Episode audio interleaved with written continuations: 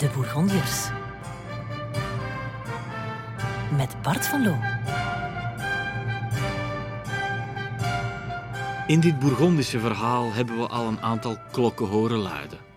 Een eerste keer bij het huwelijk van Philips de Stoute met Margaretha van Malen, de dochter van de Vlaamse graaf in Gent.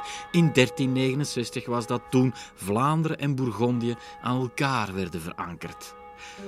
Een tweede keer in Kamerrijk, in 1385, voor het befaamde dubbelhuwelijk, waar onder andere Jan zonder vrees aan de vrouw werd gebracht en de deur naar Henegouwen, Holland, Zeeland en Brabant opendraaide. Maar driemaal is scheepsrecht. Daar gaan de touwen weer op en neer, kwinkeleren de klepels in hun bronzen omhulling, loopt Brugge over van de toeschouwers. En waarom? De grote Philips de Goede viert zijn huwelijk. En voor de derde keer. Derde keer, goede keer. In Sluis had hij op 7 januari 1430 het ja-woord gegeven aan Isabella van Portugal en in Brugge barst vervolgens een feest los dat alle voorgaande Bourgondische esbattementen in de schaduw moest stellen.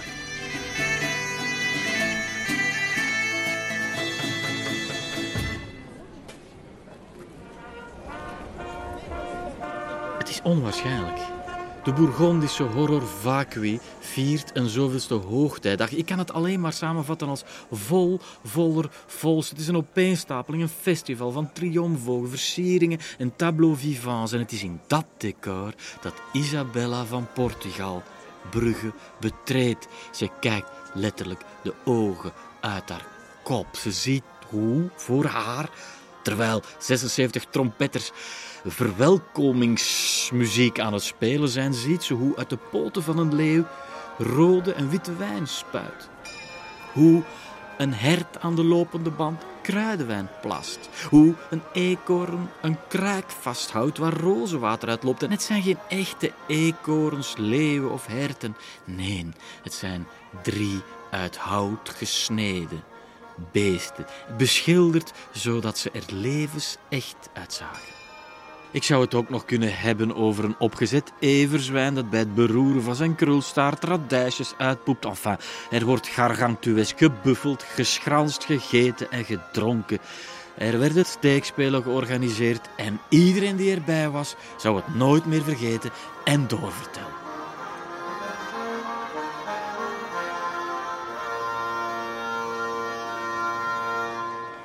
En dat er volk op afkwam, het zal wel zijn. Die chroniekschrijvers die werkten zich achteraf uit de naad om alle grote belangrijke genodigden van naaltje tot draadje te beschrijven. Ik bedoel, dat is een beetje saai als je dat leest, maar je kunt het beschouwen als een soort van who's who in 1430. En ze gaan er helemaal over. Hè. De ene die telt 5000 deelnemers, een ander die schrijft zelfs over 150.000 toeschouwers. Het is gewoon rijkelijk overdreven. Het doet een beetje denken aan hoe Donald Trump en zijn propagandamachine de opkomst van zijn inauguratie ook enigszins overdreven groot voorstelden. Hoeveel volk het uiteindelijk ook was, peu importe. Het waren er veel veel toeschouwers en een aantal burgers. Wat deden zij, slim als ze waren? Ze bouwden stellingen voor hun huis en verkochten de plaatsen, zodat iedereen die, die wat centen ervoor veil had, dus een mooi plekje had om het spektakel te aanschouwen. Hier zien we hoe helemaal Bourgondië zich ontpopt als een ware theatermonarchie. En dan moet het feest nog beginnen. Met die geraffineerde Bourgondische geintjes waar ze toen gek op waren. Hoe er uit een gigantische constructie van bladerdegen een, een reus tevoorschijn kwam. En ook nog een rondhuppelende dwergvrouw ineens plotseling verscheen. En hoe er dan ook nog eens uit diezelfde deegconstructie een blauwe ram met vergulde horens zich een weg baant tussen de, de toeschouwers. Het waren een soort van engin des bâtiments, een soort van amusementsmachines.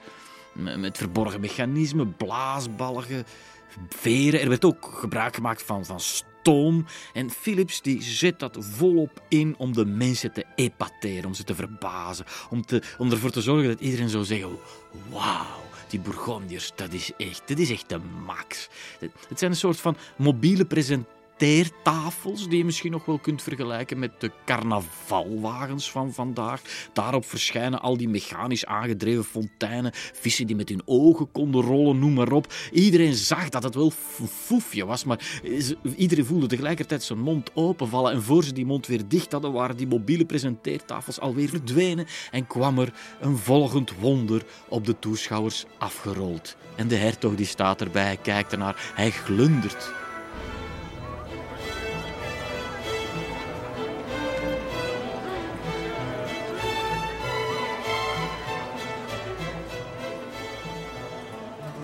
Zijn vrouw, Isabella van Portugal, die mag uiteraard mee op het podium, maar dit huwelijk kroont in de eerste plaats de hertog Philips de Goede tot koning van de Bourgondische theatermonarchie.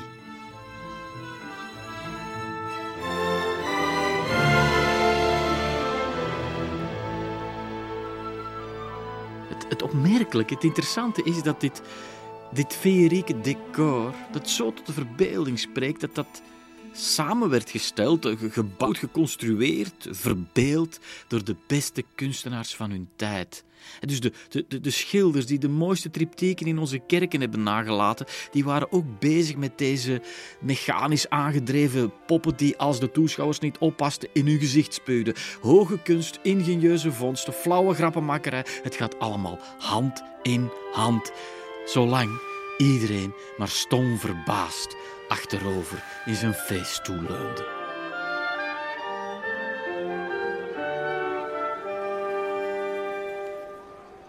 Intussen zijn we al drie dagen lang aan het eten, aan het drinken.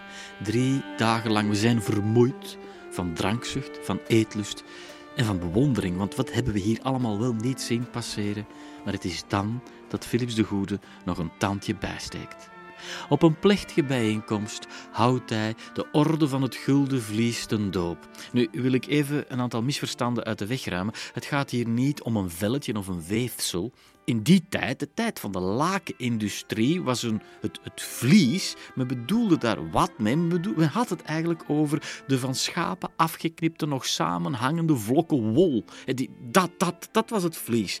Nou, het gulden vlies was natuurlijk een verwijzing naar de de onvergetelijke tocht van Jason en de Argonauten, die met de hulp van Medea's toverkunsten uiteindelijk de door slangen en draken verdedigde ram te pakken krijgen, het dier doden, het villen en terugkwamen met die gouden vacht, het zogeheten gulden vlies waar de kop en de poten nog aan hingen.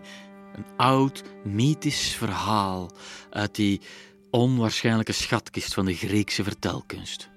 En ja, dat, dat is het. Dat is de inspiratie voor het onbetaalbare gadget dat aan een gouden ketting om de leden van het gulden vlies om hun nek werd gehangen.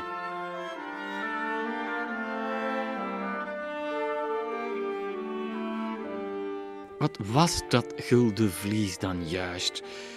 In eerste instantie zag Philips het als een religieuze broederschap die de eer van het christendom diende te bewaken. En zo nodig kon daar dan de inspiratie en de kracht opgedaan worden om wie weet op een dag nog eens een kruistocht te organiseren. Christendom zeg ik, katholiek, dan zijn er van die critici die opstaan en een vingertje, een schoolmeesterachtig vingertje in de lucht steken en zeggen: Ja, maar pas op, die Jason, dat was een heiden, dat was een oude Griek dan sprongen er weer direct bijbelse exegeten van goede wil op en die, die, die duikelden dan alweer een andere vergeten figuur op, een zekere Gideon. Dus een oud-testamentische held die naar verluid ook al wonderlijke avonturen met een schapenvacht had beleefd. En zo kon dus iedereen naar hartelust, of je nu een argonaut in het diepst van je gedachten was, en dat was Philips de Goede wel, of iemand van de strengere Bijbelse leer. Iedereen kon zijn gading vinden in de nieuwe orde van het gulden vlies. Tegelijkertijd is het een ridderorde.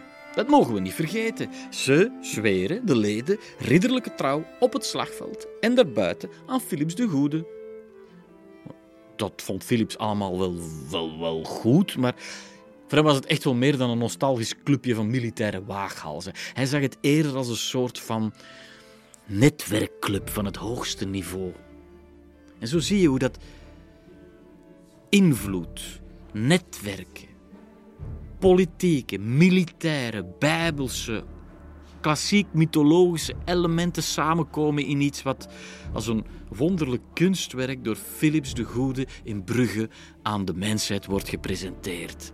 Tegelijkertijd is dit ook, en nu wordt het interessant, vind ik toch, het is een internationale boodschap die hij de wereld instuurt. Het was een met veel brokaat, fluweel en juwelen overlaten, maar daarom niet minder welgemeende fuck you aan het adres van Frankrijk en Engeland.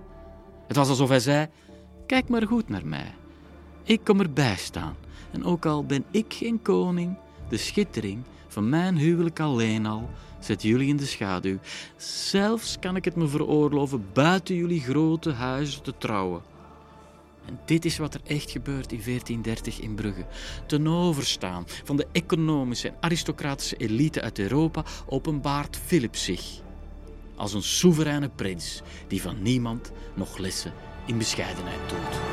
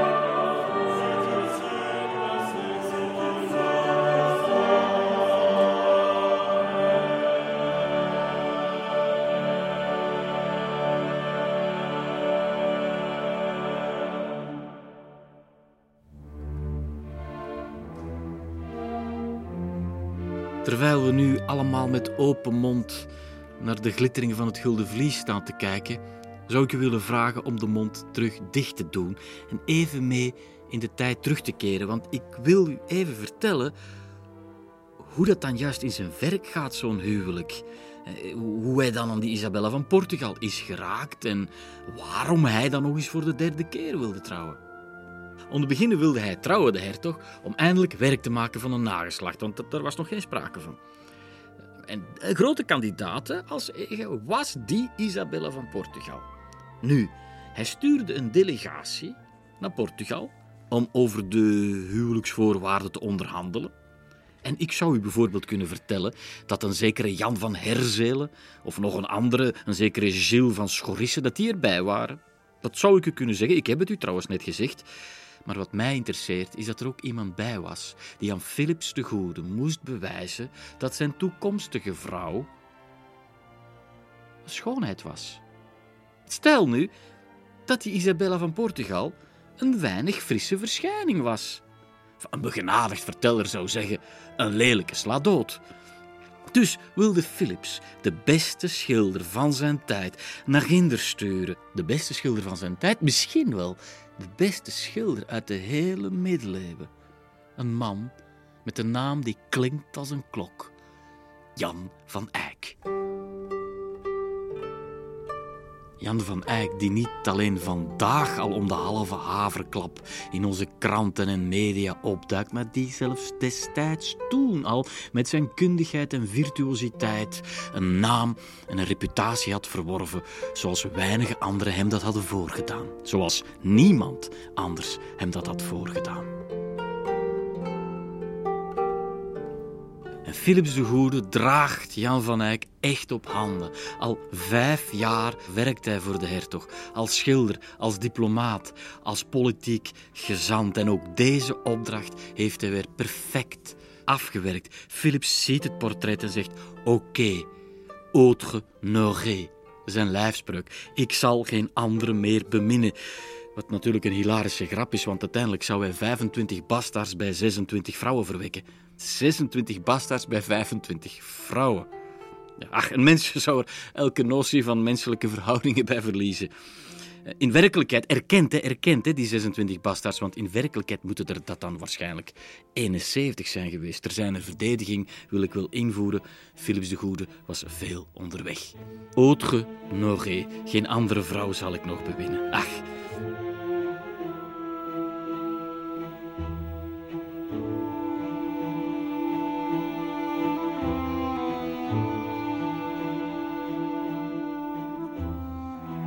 De missie is geslaagd, de delegatie keert terug. Philip Strout en Jan van Eyck heeft eindelijk tijd om het misschien wel beroemdste werk uit onze kunstgeschiedenis af te maken.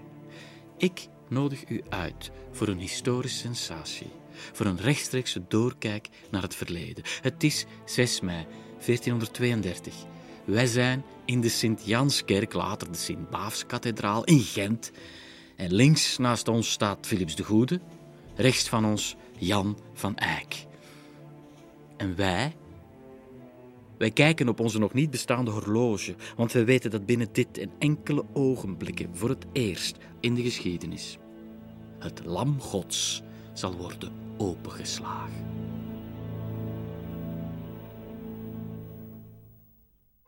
Omdat we al zoveel weten en horen over het opengeslagen kunstwerk, laten we het nog even dicht. Wij, zijn erbij, dat heb ik u al verteld. En eigenlijk zijn we een soort van vliegenspionnen uit de 21ste eeuw. En wij zitten op de schouders van de opdrachtgevers. Joos Feit en Elisabeth Borluut. Zij hebben de opdracht gegeven tot dit lam gods. En we zijn getuigen van een soort van spiegeleffect. Want die twee opdrachtgevers zien zichzelf helemaal fotografisch weergegeven zoals ze zijn in dat dichtgeslagen lam gods. Men heeft het altijd over het belang van de stedelijke elite. Dat blijkt hier ook, maar het is complexer dan dat. Want dit is uiteraard een kopie van een hertogelijk model. Ik wil u even mee terugnemen naar Chamol. Het kerkportaal van de kloosterkerk is wonder boven wonder bewaard gebleven. En wie zien we daar in dat portaal staan? Jawel, Philips de Stoute, En Margaretha van Malen, Philips de Stoute, met, met zijn dikke valwakop, met zijn grote neus. Echt zoals hij is. Niet mooier, niet lelijker dan hij is. En, en we zien ook dat, dat Margaretha ondertussen al 50 is, dat zij zeven, acht kinderen heeft gebaard, dat ze een driedubbele onderkin heeft. Dat zien we. En dat is wat er exact gekopieerd wordt. Op kleinere schaal een kapel met een kunstwerk. En op dat kunstwerk zetten we de opdrachtgevers, namelijk Joost Feit en Elisabeth Borluut.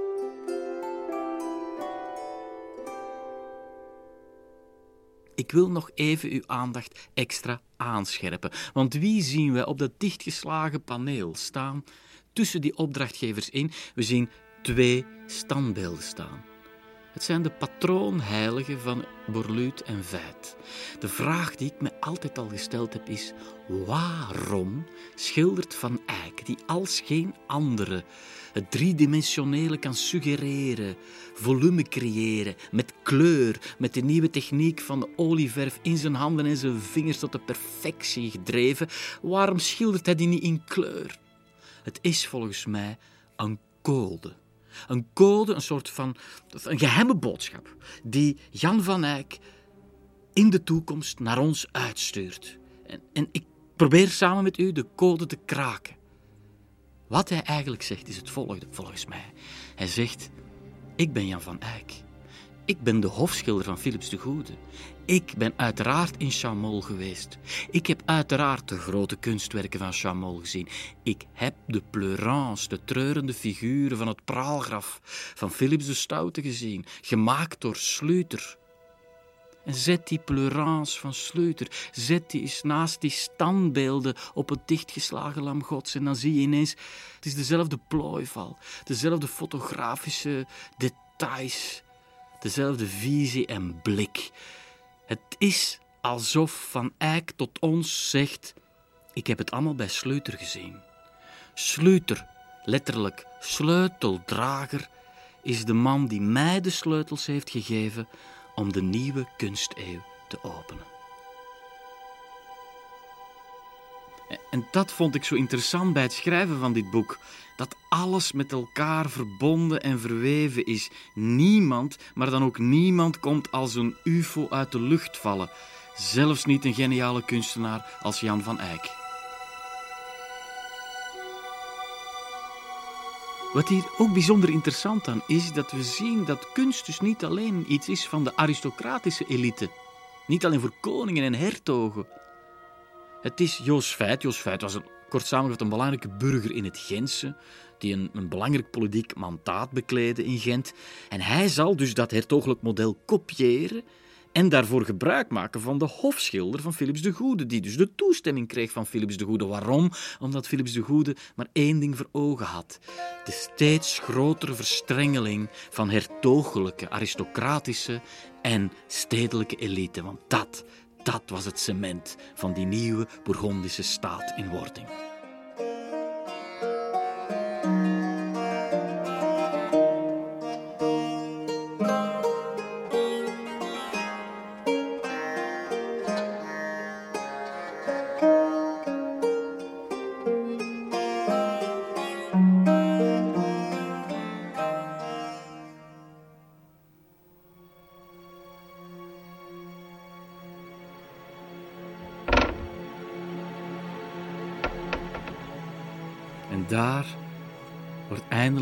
Gods voor de eerste keer in de geschiedenis opgedraaid. Wij zijn erbij, Jos Elisabeth Borluut, Jan van Eyck en Philips de Goede zelf. Philips de Goede die meteen wellicht zijn blik voelt getrokken, gezogen worden naar wat er centraal op het paneel staat. Het lam gods. Het heilige dier. Ik beeld me in dat hij, dat hij misschien wel spontaan een soort van instinctief beweging naar, naar zijn halsketting moet hebben getast. En misschien was dit wel een knipoog van Van Eyck naar het twee jaar eerder door hem opgerichte Gulden Vlees. Misschien was het ook wel een knipoog naar de rijke Vlaamse lakenindustrie. Het, het was uiteraard vooral bijbelse symboliek, maar je ziet meteen de meerlagigheid van Van Eyck. Dit schilderij is niet voor één gat te vangen. En dan de figuren die erop staan. De figuren die, zoals ik zei, waar hij wel de mosterd heeft gehaald, fotografisch gezien, bij Sleuter, maar die hij natuurlijk als je hem dan vergelijkt met de schilders die net voor hem kwamen aan het hof, ik heb ze al vernoemd, een Maalwaal, een, een Melchior Broederlam, ja, dat, hij, dat hij breekt met, met die voor hen zo kenmerkende achtergrond van gepolijst bladgoud en stralende aureolen en halo's. Dat het pathos afvlakt. Maar het is vooral, en dat is het wat hem zo onderscheidt van de generatie vlak voor hem, de revolutionaire lichtinval. Zijn uitzonderlijke beheersing van de slagschaduw, waardoor hij volume kon suggereren zoals niemand hem het had voorgedaan en waardoor hij, Jan van Eyck, als een soort van krachtpatser kon wedijveren met de werkelijkheid. Ja, we, kennen ze, we hebben het allemaal wel geleerd. Hè, dat, we, dat we eigenlijk met een vergrootglas naar, naar het lam gods kunnen kijken.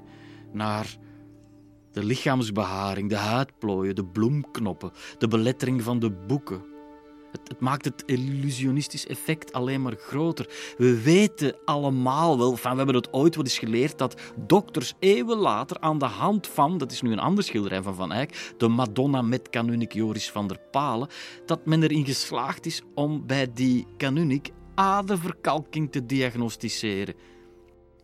Als dat allemaal het effect is wat wij ervaren, hoe gefascineerd moet het Bourgondische gezelschap dan wel niet naar het Lam Gods hebben gekeken? Zo'n flagrant realisme hadden ze wellicht nog nooit aanschouwd.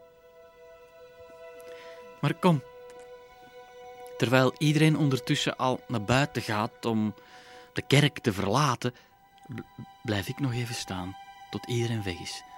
En daar sta ik dan alleen. Het lam Gods hangt voor mij en ik, kan het niet laten. Maar ik pak mijn wijsvinger, mijn rechterwijsvinger, en ik doe heel even. Stevig hout is dat, die panelen van het Lam Gods. Wist u dat wetenschappelijk onderzoek ons geleerd heeft dat dit gemaakt is van eikenhout? Meer nog, en nu ga ik echt dromen, van Baltisch eikenhout, afkomstig uit de wouden ten zuidoosten van de Oostzee, dus niet zo heel ver van het eiland Bornholm. Bornholm, ooit Burgundarholm geheet, ja, de naam zegt het zelf, hè, waar de Germaanse voorouders van onze hertogen ooit lang geleden vandaan kwamen.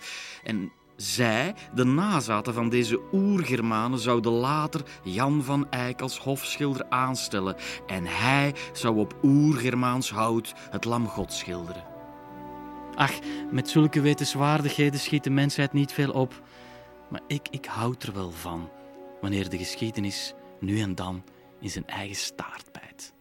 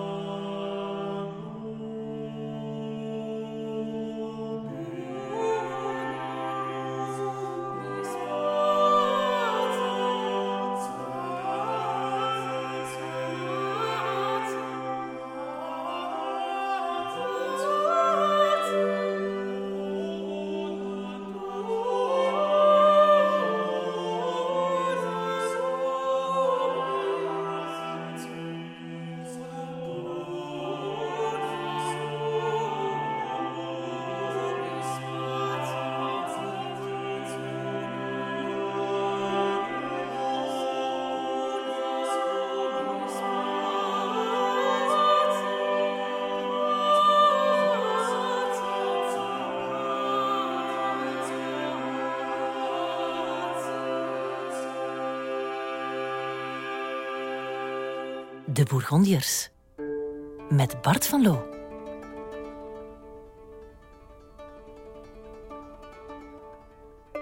Philips en Isabella van Portugal, ze zijn getrouwd, ze zijn gelukkig, het gaat hen goed. Hij ontwikkelt zich als de mecenas der mecenassen, Philips de Goede. Stelt overal schilders aan het werk. Die schilders die in eerste instantie niet zozeer of portretten maken, maar zich vooral onledig houden met het, het, het schilderen van wapenblazoenen. Dat heeft ermee te maken dat die ridders, die steeds meer in een harnas verdwenen, niet meer herkend werden. En dan moesten daar dus blazoenen op geschilderd worden, als een soort van merkteken om te laten zien wie dat ze zijn. En dat is wat schilders vooral doen. Wapenschilden schilderen. En skilden komt daarvan, dat was het Middel-Nederlandse werkwoord om die praktijk te benoemen. En daarvan is het woord schilder afgeleid. Enfin, het gaat hen goed. Van kunst tot trouw. En er is nog iets zeer belangrijk, wat ik ben vergeten te zeggen. Een klein menselijk detail dat hand in hand gaat met die inauguratie van het Lam Gods. Want tegelijkertijd, op die dag in de Sint-Jaanskerk, wordt de troonopvolger, de lang verwachte troonopvolger van Philips de Goede, gedoopt. Josse is zijn naam. Jos, zoals de Fransen zeggen. En dat is echt, echt nog veel belangrijker nieuws voor Philips de Goede dan die opening van het Lam Gods. Alleen slaat het noodlot datzelfde jaar nog toe, sterft de kleine Josse en stort Philips, die ondertussen door de kroniekschrijvers al bestempeld wordt als de leeuw van Vlaanderen, stort die in. Maar dan, een jaar later, 11 november 1433, van wapenstilstand is dan nog lang geen sprake, komt er een gelukkig nieuws aanwaaien. Een nieuwe zoon komt ter wereld en deze zal overleven. Het is Karel, Charles, de latere, le téméraire, Karel de Stoute.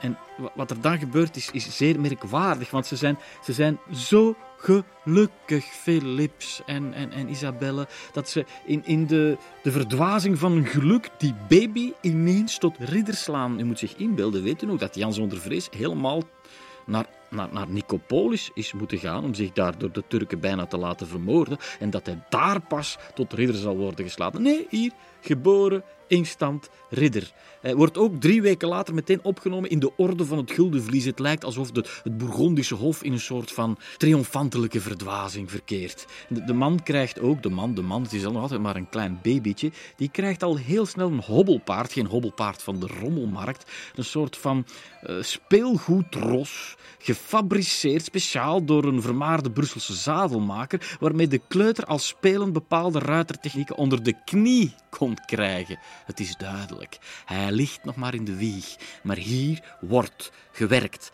aan de man die zal moeten uitgroeien tot de ridder van zijn tijd, Karel de Stoute.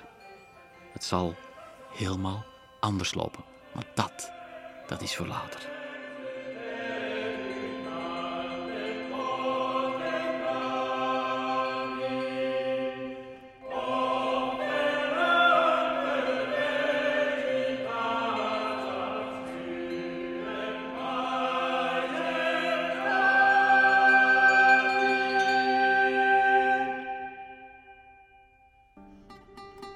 Kleine details helpen ons vaak om de internationale politiek te duiden. Want, de wieg van Karel de Stoute, waar stond die?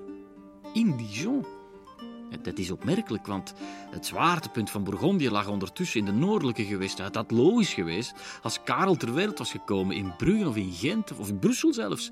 Maar nee, in Dijon. En dat had ermee te maken dat het opnieuw hommeles was tussen Bourgondië en Frankrijk. De Franse troepen die waren aan het peuzelen, traag maar zeker, aan de grenzen van Bourgondië. Die trokken op naar Dijon. En dus moest Philips met zijn zwangere vrouw wel afzakken naar Dijon om daar orde op zaken te stellen. En zo kwam het dat onze Karel de Stoute ter wereld kwam in Dijon. Wie speelt een belangrijke rol in de militaire toestand en het overleven van Bourgondië tegenover Frankrijk. Het is een man die ik nog niet heb genoemd. Het is de rechterhand van Philips. Het is kanselier Roland. Nicolas Roland. Een beetje de Richelieu van Bourgondië. De, de schaduw van Philips de Goede. De man, het brein, uh, zonder Roland is het rijk van Philips de Goede niet uit te leggen. En het is hij die recht blijft staan, die troepen verzamelt en die uiteindelijk zelfs het zover krijgt dat er vredesonderhandelingen worden opgestart. Dat de grootste en de belangrijkste, de misschien wel eerste internationale vredesconferentie uit de geschiedenis, dat die plaatsvindt in Arras, in Atrecht. En ook daar zal in een soort van speciaal gemonteerde wieg op een strijdros als eerste wie de stad binnentreden de jonge Karel, de piepjonge Karel, de stoute die vanuit zijn wieg als baby even verbaasd naar de menigte kijkt als de menigte naar hem.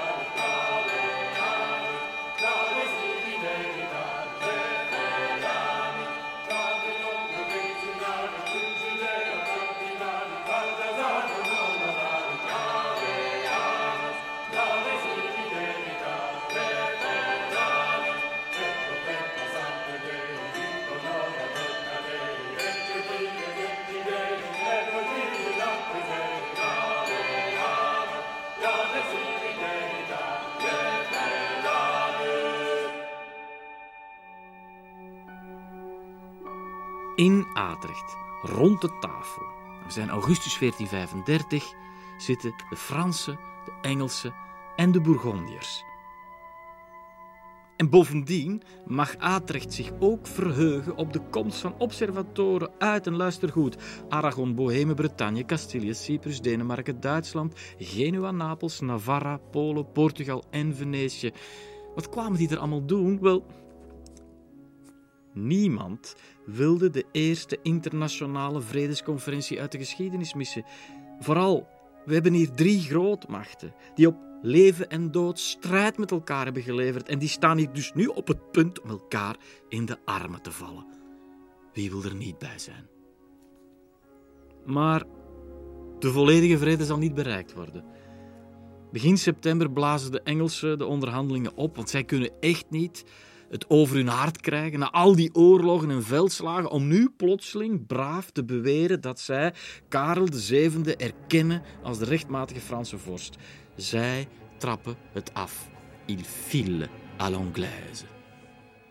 Toch wordt het een succes, omdat de oorlog tussen de Fransen en de Bourgondiërs tot een einde zal komen. Dat er een verzoening zal komen tussen Philips de Goede en Karel VII. Karel VII, niet vergeten dat het de opdrachtgever is van de moord op de vader van Philips de Goede. Dus er staat best emotioneel toch wel wat op het spel.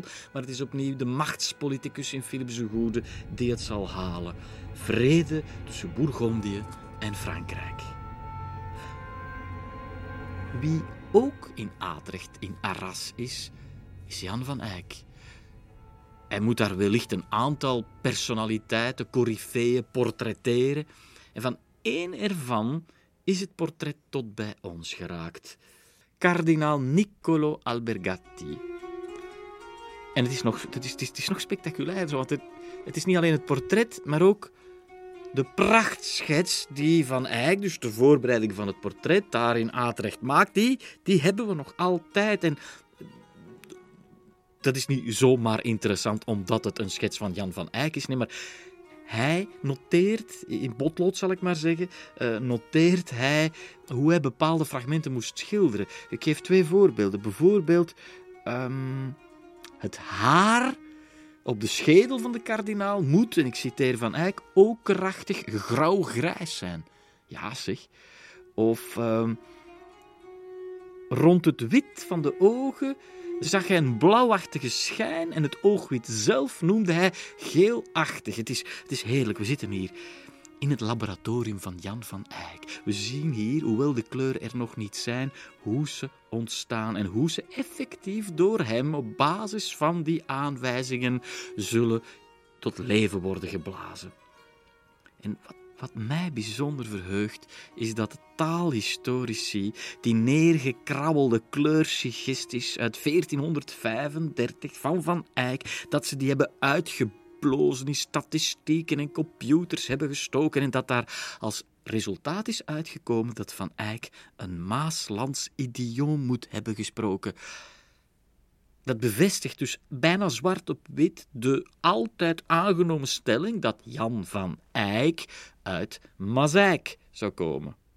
Er is nog een argument dat in die richting gaat, of dat alleszins die interpretatie ondersteunt. Dat is dat Jans dochter Livine, dat die rond 1450 intreedt in het Sint-Agnes-klooster van Mazijk. In ieder geval is het zo dat het congres van Atrecht zorgt voor vrede tussen Bourgondië en Frankrijk en dat datzelfde congres ervoor zorgt dat wij geen twijfel meer hebben over de herkomst van de grootste schilder uit de late middeleeuwen.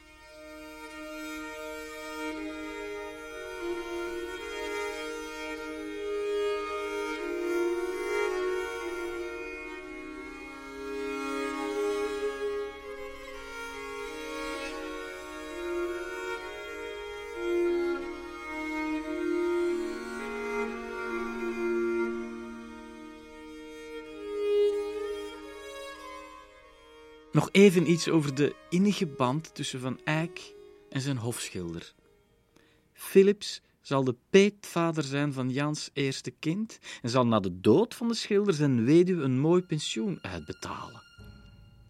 En, en, ja, die boekhouding van de Bourgondiërs die mij al zoveel lekkers heeft gepresenteerd, daaruit heb ik nog één klein feit dat ik als een draadje dat ik eruit trek, maar aan dat draadje hangt dus heel de kleine menselijkheid van die late middeleeuwers.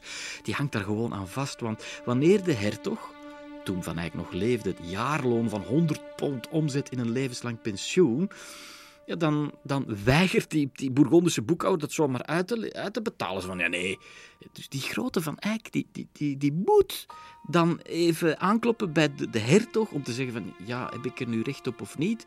Dat wordt dan rechtgezet, maar die boekhouder die zal dat nooit verteren. En later Twee, drie jaar later zal die wraak nemen. En wanneer dus Van Eyck, wanneer die op een gegeven moment zijn verplaatsingskosten met bonnetjes of met kwitanties niet echt kan bewijzen, zegt die boekhouder, ah meneer Van Eyck, als jij de juiste bonnetjes hier niet bij mij op de tafel kunt leggen, dan ga ik uw verplaatsingskosten niet uitbetalen. Dat vind ik onwaarschijnlijk. De grootste kunstenaar van zijn tijd, die moet gewoon bonnetjes. Van hier kom ik, ben van daar naar daar gereden, ik heb daar zoveel bier gedronken en ik heb, ik heb daar drie nachten geslapen. En, zo. en hij krijgt, omdat hij dat niet kan bewijzen, krijgt hij niet uitbetaald. Ja, die kleine menselijkheid, ja.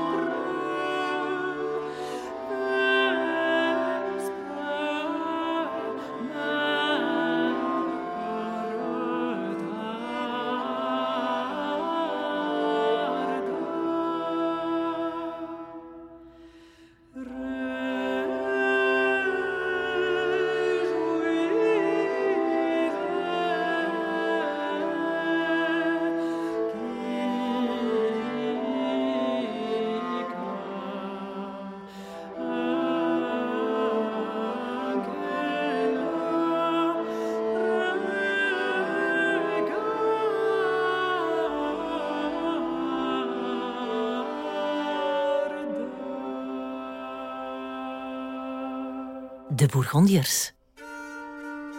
Met Bart van Loo. De vrede van Atrecht, allemaal goed en wel, maar, wat gebeurt er meteen daarna? 13 april 1436, en dit is toch niet onbelangrijk, wordt Parijs heroverd op de Engelsen. Karel VII kan na 19 jaar eindelijk zijn intrek nemen in het Louvre, dankzij de Bourgondische troepen. Met dank aan Philips de Goede. En diezelfde Philips in een soort van hubris, overmoed, na die vrede met Frankrijk, denkt hij van, en nu maak ik ineens zo korte metten met die Engelsen, die Engelsen die nog altijd in Calais zitten, de toevoerhaven voor hen in Frankrijk. Hij rukt op naar Calais. Maar dan begaat hij een stommiteit, want hoe kan hij in godsnaam, hij de, de man met het overzicht, hij de man met de intelligentie van een Rollin naast hem, hoe kunnen zij tot de beslissing zijn overgegaan om voor die expeditie, die campagne, Vlaamse strijders in te huren. Dus ze gaan eigenlijk de Vlamingen inzetten, met wapens in hun handen uiteraard, tegen de Engelsen. Maar de Engelsen zijn natuurlijk net superbelangrijk. Het, het, het, de woltoevoer naar, naar, Vlaanderen, u begrijpt het helemaal. Dus het is een beetje een surrealistisch beeld. En die Vlamingen zelf beginnen op een gegeven moment zelf ook te beseffen dat ze in een soort van bizar spektakelstuk meespelen. Dat ze zich afvragen: waarom zijn wij hier nu in de hand aan bijten die ons voedt? En ze laten Philips gewoon in de steek. Ze gaan terug naar huis en fantasierijke etymologen komen dan met dit verhaal op de proppen. Hey, Calais in het Nederlands, in het Diets is Cales. En het zou vandaar dan komen dat de uitdrukking komt van een kale reis terugkomen. Maar bon, de etymologie is uiteraard niet altijd een exacte wetenschap. De Engelsen dan, de Engelsen voelen zich geprikkeld, in hun gat gebeten. Ik zal het maar lekker op zijn Vlaams zeggen. Het zijn de Vlamingen toch die hier uh, voor het probleem hebben gezorgd, in zekere zin. De, de Engelsen die, die beginnen een tegenoffensief. En Gloucester, weet u nog? De, de lenige minnaar van Jacoba, de, de, de echtgenoot van Jacoba, die, die, die, die voelt dat zijn moment gekomen is die verlaat Calais, zet koers naar Vlaanderen en dan legt hij schilderachtige plaatsen in puin. Plaatsen die luisteren naar de poëtische namen Drinkam, Kwaadieper, Bambeke, Haringen en Renning-Elst. In as gelegd. En een belangrijke stad als Poperingen met de grond gelijk. En dan een soort van groteske scène. De man die al zoveel naar macht heeft gehunkerd, die hier heel even een zekere triomf kan vieren, maar het is een plastieke triomf, want nadien zal hij weer terug zich heel snel, omdat de Bourgondiërs er aankomen, weer terug verschansen in Calais. Maar heel even wil hij zich in een soort van plastieke neproem hullen.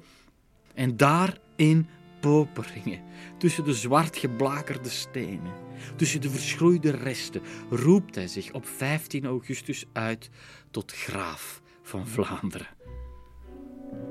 Zijn reet door Vlaanderen was vreselijk. Maar deze scène heeft eigenlijk iets lachwekkends, iets potsierlijks.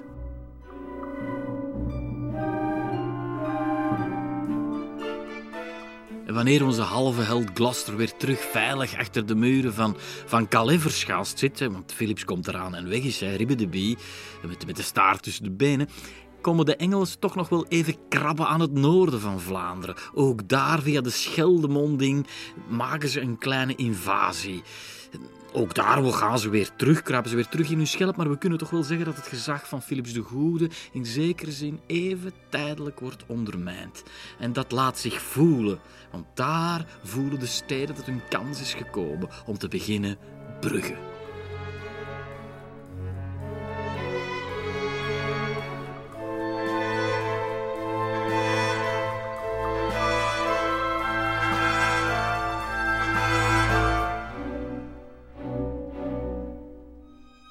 Beleg van Calais is een mislukking. De Engelsen hebben even een plaagstoot, een vreselijke plaagstoten uitgedeeld. De krenking van de grote Philips van Bourgondië is redelijk groot. Hij is in zijn trots geraakt. En dan komt de Brugse stadsmilitie uit Calais helemaal terug naar Brugge.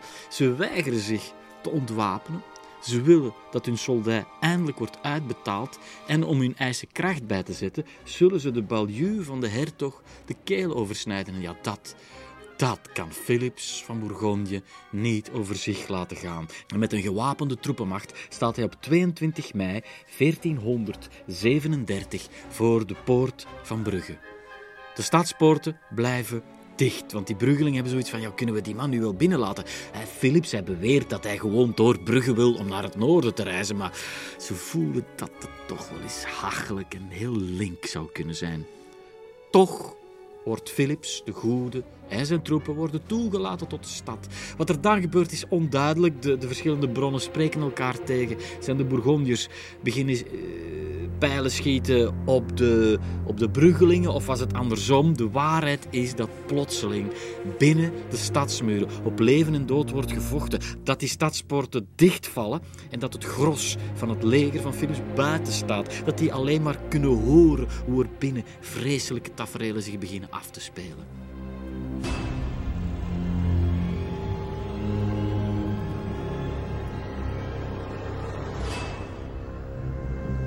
Die Brugse stadsmilities die hebben er zin in. Zij, komen van alle gaten en kieren, van alle straatjes komen de gewapende bruggelingen toegelopen. En de kring wordt sluisig rond de troep van Philips de Goede. En, en de bruggelingen komen steeds maar dreigender en dichterbij. En, en ze haken zich een weg naar hun hertog. De, de, de, de kring wordt steeds kleiner rond Philips de Goede. En een objectieve waarnemer zou zijn ogen niet hebben kunnen geloven. Was was, was dit werkelijk Bourgondië? Waren dit de Bourgondische lijfwachten, ridders die hier in de verdrukking stonden, hier in de stad waar Philips amper zeven jaar eerder het, het sprookjesachtigste huwelijk uit de recente Europese geschiedenis had kunnen vieren? En, en, was die man daar, daar, die man in het midden, die, die natuurlijk een gevreesde houdegen is, Philips zelf staat mee te hakken, was die in het zwart fluweel gehulde ridder, was was dat wel degelijk Philips de Goede. Ja, zijn gouden ketting van het gulden vlies, die, nam elke twijfel weg. Dit was wellicht een van de meest hachelijke situaties waarin Philips de Goede zich ooit heeft bevonden. Maar toch slaagt hij erin om een uitweg te vinden naar de Bouveriepoort, die te openen en om spoorslags te vluchten. Een aantal van zijn medestanders zal het slechter vergaan.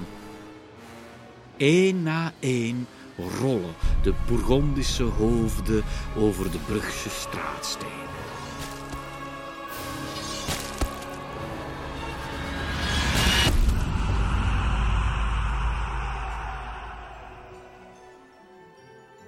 Maar die kortstondige triomf is, zoals ik het zelf al zeg, kortstondig. Want een economische blokkade, een hongersnood, een, een, een, kleine opflakkering van de pest zorgt ervoor dat Brugge door de knieën gaat. En de Bruggelingen zullen in ondergoed, geknield en in het Frans Philips de Goede om vergeving smeken. En die vergeving zullen ze ook krijgen.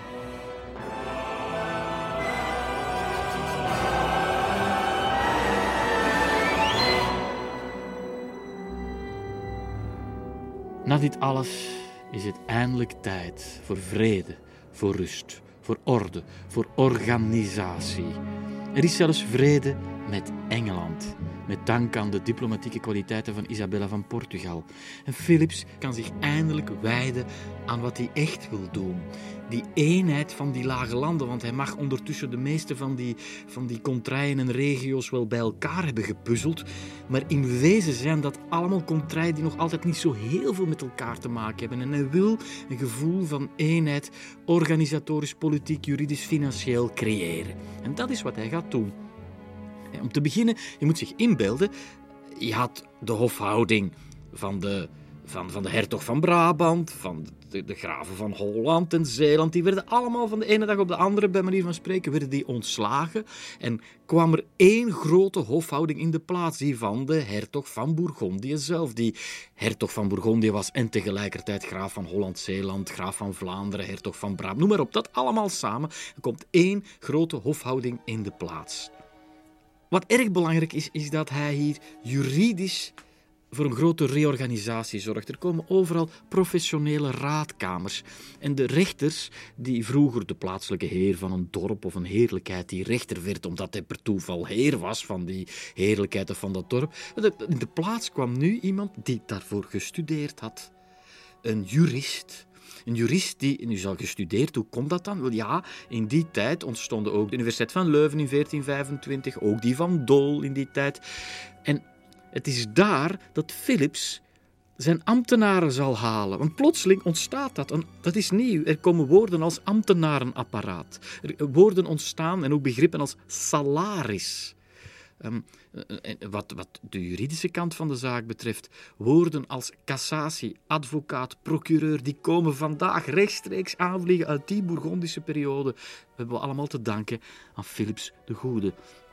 Ook financieel wil hij een en ander recht trekken. Er komen rekenkamers die financiële controle uitoefenen. De rekenkamer, het is een begrip dat in Nederland nog altijd bestaat. Maar wat bijzonder belangrijk is voor het gevoel van eenheid is het volgende. Want ja, stilaan ontstaat er een soort van eenvormigheid op juridisch-financieel vlak, maar voor de bewoners zelf blijft het nog abstract totdat zij plotseling met dezelfde munt kunnen betalen. Er komt een eenheidsmunt, de vierlander, vierlander, omdat die eerst maar in vier van die gewesten zal in omgang komen. Maar uiteindelijk kan iedereen uit de noordelijke gewesten ermee betalen. En ja, wat, u in, wat, wat hebben wij bijvoorbeeld... Het is een euro avant la lettre. Wat hebben wij bijvoorbeeld vandaag met Polen te maken? Wij betalen met, met, met hetzelfde geld. Wat had iemand uit Namen destijds met iemand uit Holland te maken? Niks, maar ineens betalen ze allemaal met die vierlander dat is toch een begin van een gevoel van eenheid die je op een slimme manier letterlijk in de markt zet.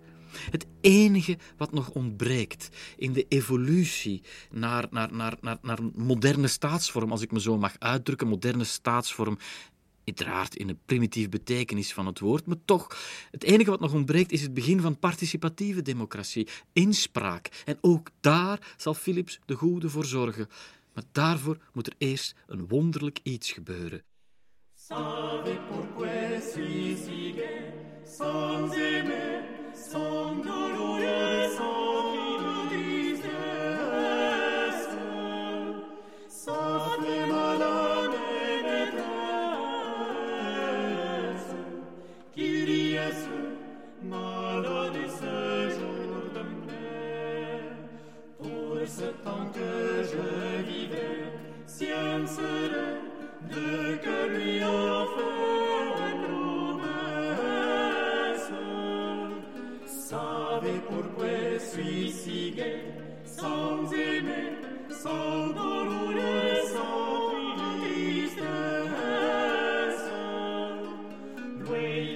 Servi et ferait la plus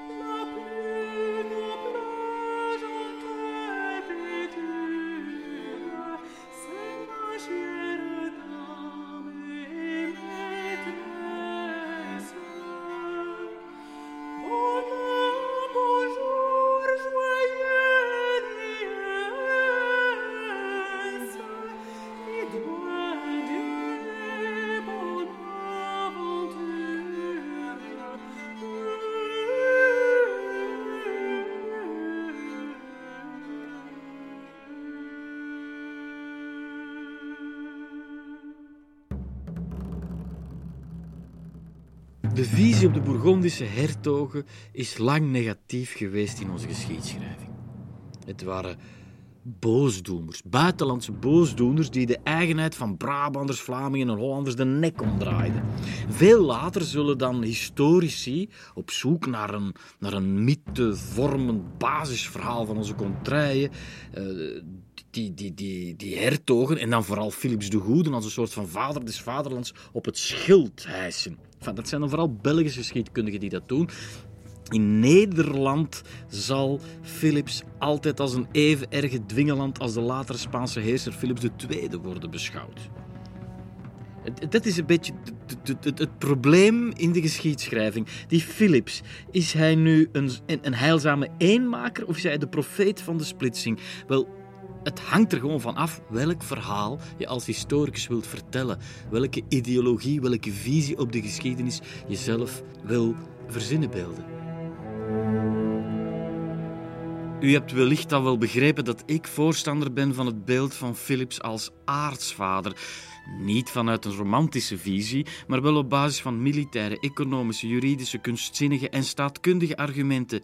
En met die elementen is het echt wel mogelijk om ons oerverhaal te vertellen.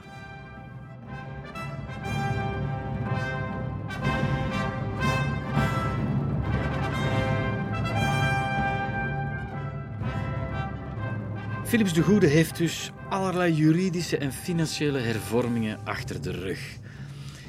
En dat is zo interessant aan deze tijd. We zitten echt op een kruispunt tussen nieuwe en oude tijden. De nieuwe tijden, de, de ambtenaren die aan een universiteit een juridisch diploma behalen. En die dan in dienst van de hertog te werk worden gesteld. Maar aan de andere kant, de oude tijd, de oude tijd met, met een kaste die nog altijd belangrijk is, maar stilaan aan belang en invloed inboet. De ridders. Die ridders die hebben de trein naar de vernieuwing gemist. Nu het blijkt dat zij geen kaas hebben gegeten van de technische aspecten van goed bestuur, vallen jonkheren steeds meer uit de boot. Mannen van wie de grote voorbeelden ooit Jeruzalem hadden veroverd, die schuiven nu op naar de marge. Maar ze proberen zich recht te houden aan oude epische verhalen. Met daarin, u kent ze wel allemaal, de, de heldhaftige verhalen van Lancelot, Parsifal en Arthur, die daar in die verhalen nog wel gezagsvol het zwaard konden hanteren. En dit doet zelf bij mij een jeugdherinnering naar boven borrelen. En las u ze ook? De Rode Ridder, die dikke boeken van Leopold Vermeijeren. Johan heette hij, geloof ik, de Rode Ridder, als ik me niet vergis. Hoe hij op reis ging, op reis, op, op kruistocht trok naar, naar, naar steden met onuitspreekbare namen. Antiochië. Ik wist niet waar het lag, ik kon het zelfs niet uitspreken, maar ik reisde wel mee samen met Johan naar Antiochië, waar hij de strijd aanging met weer zo'n woord dat ik, dat ik toen verkeerd uitsprak. De Sarakenen. Ik dacht dat het zo moest uitgesproken worden. De Saracenen natuurlijk. En hij met zijn lang ridderlijk slagzwaard kon met één uithaal drie Saracenen onthoofden. En dat kon omdat natuurlijk zijn slagzwaard veel sterker was dan die kleine kromzwaardjes van de Saracenen. Het zijn, het zijn dergelijke verhalen waar onze ridders uit deze tijden, de ridders ten tijde van Philips de Goede, zich, zich aan recht houden. En ze lopen als een soort van Don Quixotes, verdwalen ze in die oude heldenverhalen. En ze lopen erin verloren en ze missen de trein van de vernieuwing.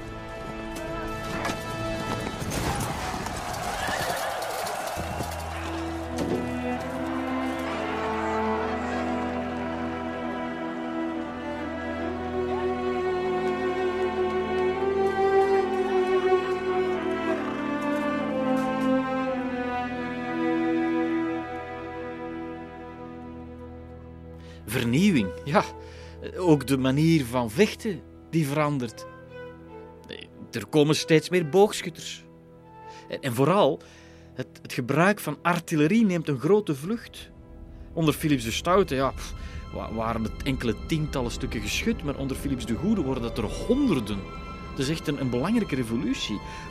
Donder- en haakbussen, een soort van handkanonnen. Hè. Maar Meer tot de verbeelding sprak natuurlijk de, de bombarde, de middeleeuwse kanonnen. Ik moet maar één naam laten vallen. U zal zelf voelen hoe de grond onder uw voeten begint te daveren. De dulle griet. Heden ten dagen staat hij vreedzaam te pronken bij de Gentse vrijdagmarkt. Maar kijk ernaar. Wie is er niet ooit op gaan zitten? Als een soort van plichtige... Ik weet dat ik daar voor een plichtige communie ooit ben gaan opzitten. Zo strijdvaardig. Uh, met de benen gespreid over de dulle griet. Foto nemen. Van kijk hier. Maar als je daarop hebt gezeten, dan, heb je, dan besef je toch dat, dat, dat dit een enorme logistiek met zich mee moet hebben gebracht. Dat, Hoeveel extra mankracht en lastdieren moet zo'n superkanon niet gekost hebben, niet gevergd hebben? Het is een monster van meer dan 12 ton en het dateert uit de tijd van Philips de Goede. Ik citeer de kroniekschrijvers. Als dit steengeschut van wonderbare grootte werd afgeschoten, hoorde men dit overdag wel vijf uur ver en s'nachts tien. En het rommelend gebrom was bij het afschieten zo groot dat het scheen dat alle duivelen der helle op weg waren. Die duivels van de hel waren in de ogen van de oude ridderstand wel degelijk ontketend. Want ja, God, op het slagveld hebben ze hun beslissende rol moeten afstaan aan eerst de boogschutters en daarna de kanoniers. En in de hertogelijke administratie worden ze dan ook nog eens weggemaaid door schrijvers van wisselbrieven.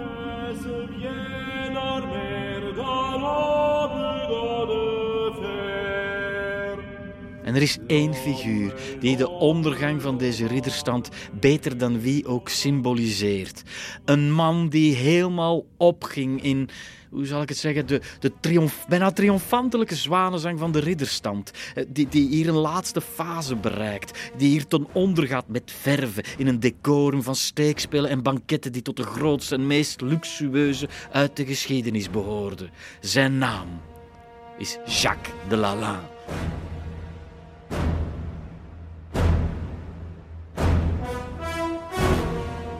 Jacques de Lalande stond bekend als Le Bon Chevalier. Hij was de kampioen van toernooien en veldslagen. Als Bourgondisch sterridder genoot hij een Europese bekendheid. Hij bleef ongeslagen op alle toernooien die hij bevocht. In 1445 in Nancy, ten aanzien van Karel VII, Alfons V van Aragon en alle Franse ritters, verslaat hij al zijn opponenten. Stilaan werkt hij een beetje zoals een rode lap op een stier. Heel veel ridders voelen zich geprikkeld van als we die man kunnen verslaan, dan zijn we echt pas echt een ridder. En zo komt het dat Jean de Boniface, dat is nog zo'n grote held uit die tijd, speciaal vanuit Spanje naar Brabant, naar Antwerpen komt om hem uit te dagen, maar om daar ook in het stof te bijten en het onderspit te delven tegen Jacques de Lalande. Maar ja, zoals je ziet, men kwam dus van heinde en verre om het met hem aan te leggen. Hij werd er best wel rijk van. Hij ging jarenlang van hof naar hof om er zijn vechtkunsten te tonen. En hij was daarbij, en dat was toch wel interessant, is een klein detail, maar zo, zo krijg je hem helemaal levend voor ons. Hij, was telkens gehuld in een wit gewaad, bezaaid met blauwe tranen. Iedereen kende die gevreesde uitrusting. En op de deur durfde niemand het nog tegen hem op te nemen. Maar op 1 oktober 1450 eindelijk verandert dat. Zeven ridders durven het aan om hem uit te dagen. En 2 oktober, de volgende dag, begint morgens vroeg de strijd. Maar jawel, onze Jacques de Lalande wint één voor één tegen al die zeven moedige strijders. En als bedanking gaat hij op pelgrimstocht naar Rome. Dat is interessant, want hij is religieus, laat hij hier zien. Als hij terugkomt, krijgt hij van Philips de Goede orde van het Gulden Vlies. Deze man, die even vroom als heldhaftig was, was een man die als geen ander de ridderidealen wist te incarneren. Maar hoe, hoe komt deze man aan zijn einde?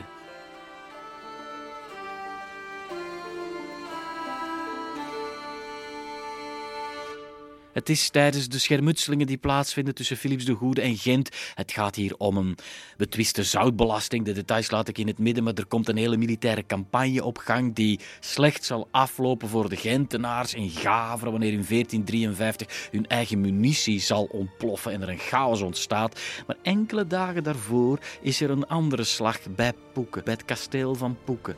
En dit is natuurlijk een ja, als, je, als, als jongen is dit, een, is dit een episch ridderverhaal. Je ziet die, die krachtpatser van zijn tijd die ten onder gaat, terwijl hij heel zijn leven iedereen, één voor één, de strafste strijders van zijn tijd, die moeten er één voor één aangaan. En hoe komt deze, de held ter held, hoe komt hij aan zijn einde? Door een kanonskogel.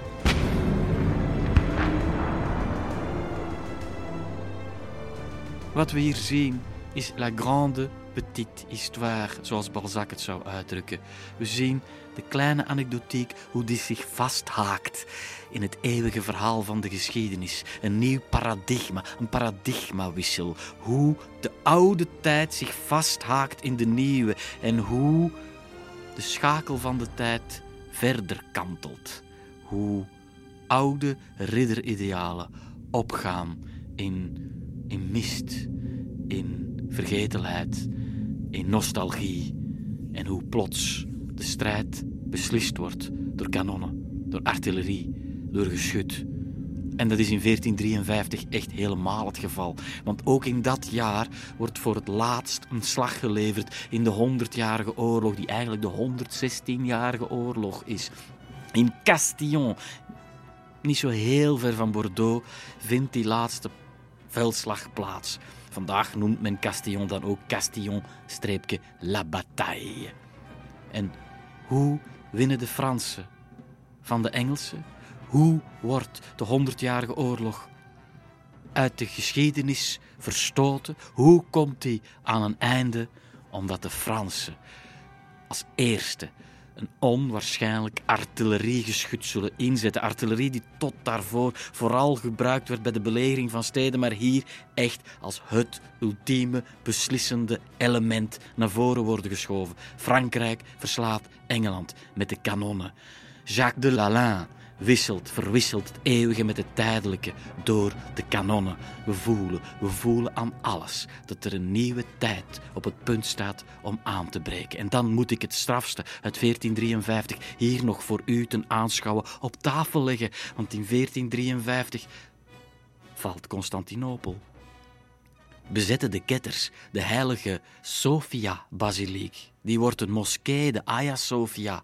En Philips de Goede weet niet wat er gebeurt, want hij is enerzijds een modern man die zich omringt met gediplomeerde, doorgestudeerde ambtenaren. Maar aan de andere kant is hij ook een beetje Jacques Le Lalin. Is hij nog een echte ridder? Voelt hij hoe de Godfried van Bouillon in hem naar boven klimt? Wilt hij te paard rechtstreeks naar Constantinopel om die ketters te verdrijven? Maar de rest van de aristocratische top rondom hem heeft zoiets van: man, dit zijn echt oude koeien, waar ben jij nu mee bezig?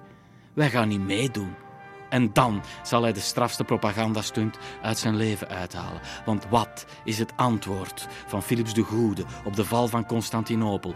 Wat is het antwoord van de Bourgondische hertog op het nieuws van de eeuw?